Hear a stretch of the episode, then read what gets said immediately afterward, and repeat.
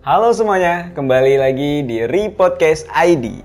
Kali ini kita akan membahas tentang nomofobia.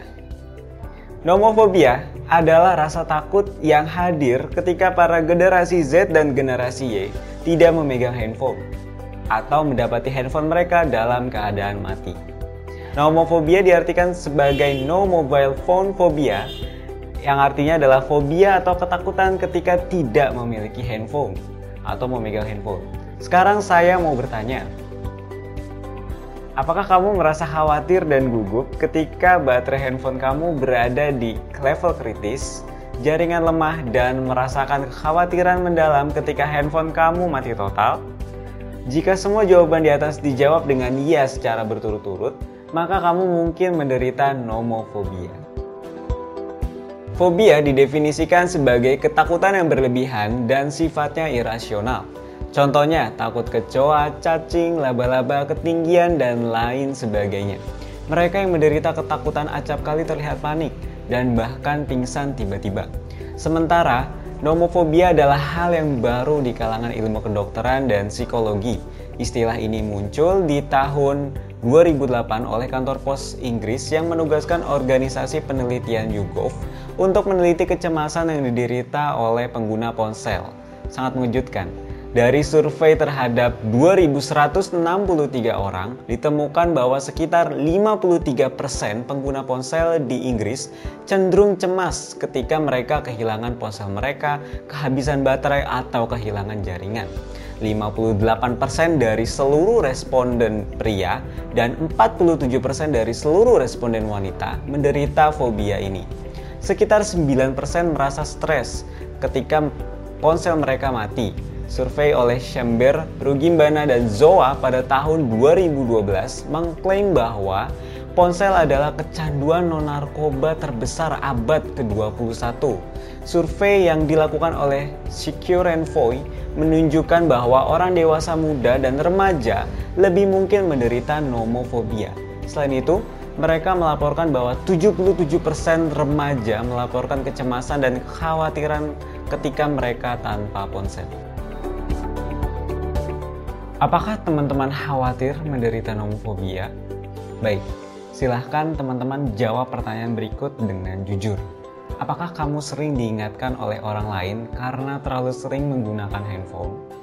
Apakah kamu menghabiskan waktumu menggunakan handphone dibandingkan dengan berinteraksi di dunia nyata? Apakah kamu merasa kesulitan berkonsentrasi ketika belajar, bekerja, atau berbicara dengan orang lain karena disambi menggunakan handphone? Apakah kamu kesulitan tidur karena menggunakan handphone ketika larut malam? Apakah kamu merasa hampa ketika tidak memegang handphone? Apakah kamu merasa kesepian ketika tidak membuka handphone? Apakah kamu merasa ingin terus membuka dan berlama-lama hingga berjam-jam di media sosial walau hanya untuk hiburan?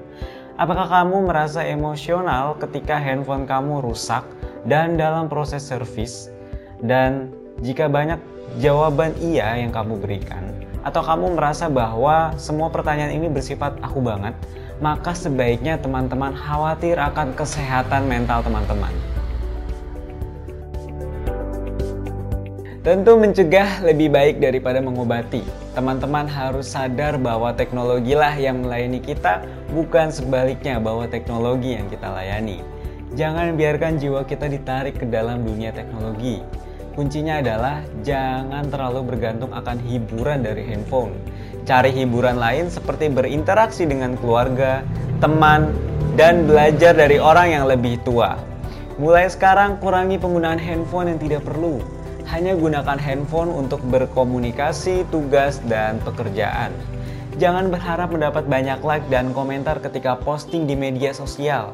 Penghargaan mereka di media sosial akan berbeda dengan penghargaan di dunia nyata.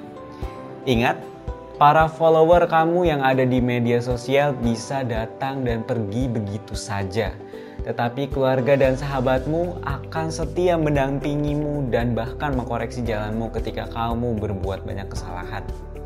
Jangan habiskan waktu kamu untuk scroll media sosial. Habiskan waktu kamu untuk belajar, bekerja banting tulang, dan membantu keluarga. Ingat, Banyak pengusaha dan tokoh sukses yang masa mudanya jarang aktif di media sosial. Mereka hanya aktif ketika mereka sudah sukses dengan karir yang mantap. Itu pun tujuan mereka acap kali bukan ingin pamer, tapi untuk membagi informasi perihal kesuksesan mereka. Ingat, waktu kamu itu sangat berharga. Namun, teman-teman mungkin ada yang memiliki nomofobia yang sangat tinggi sehingga sulit untuk lepas dari handphone. Jika sudah demikian, maka penanganan dari ahli sangat dibutuhkan.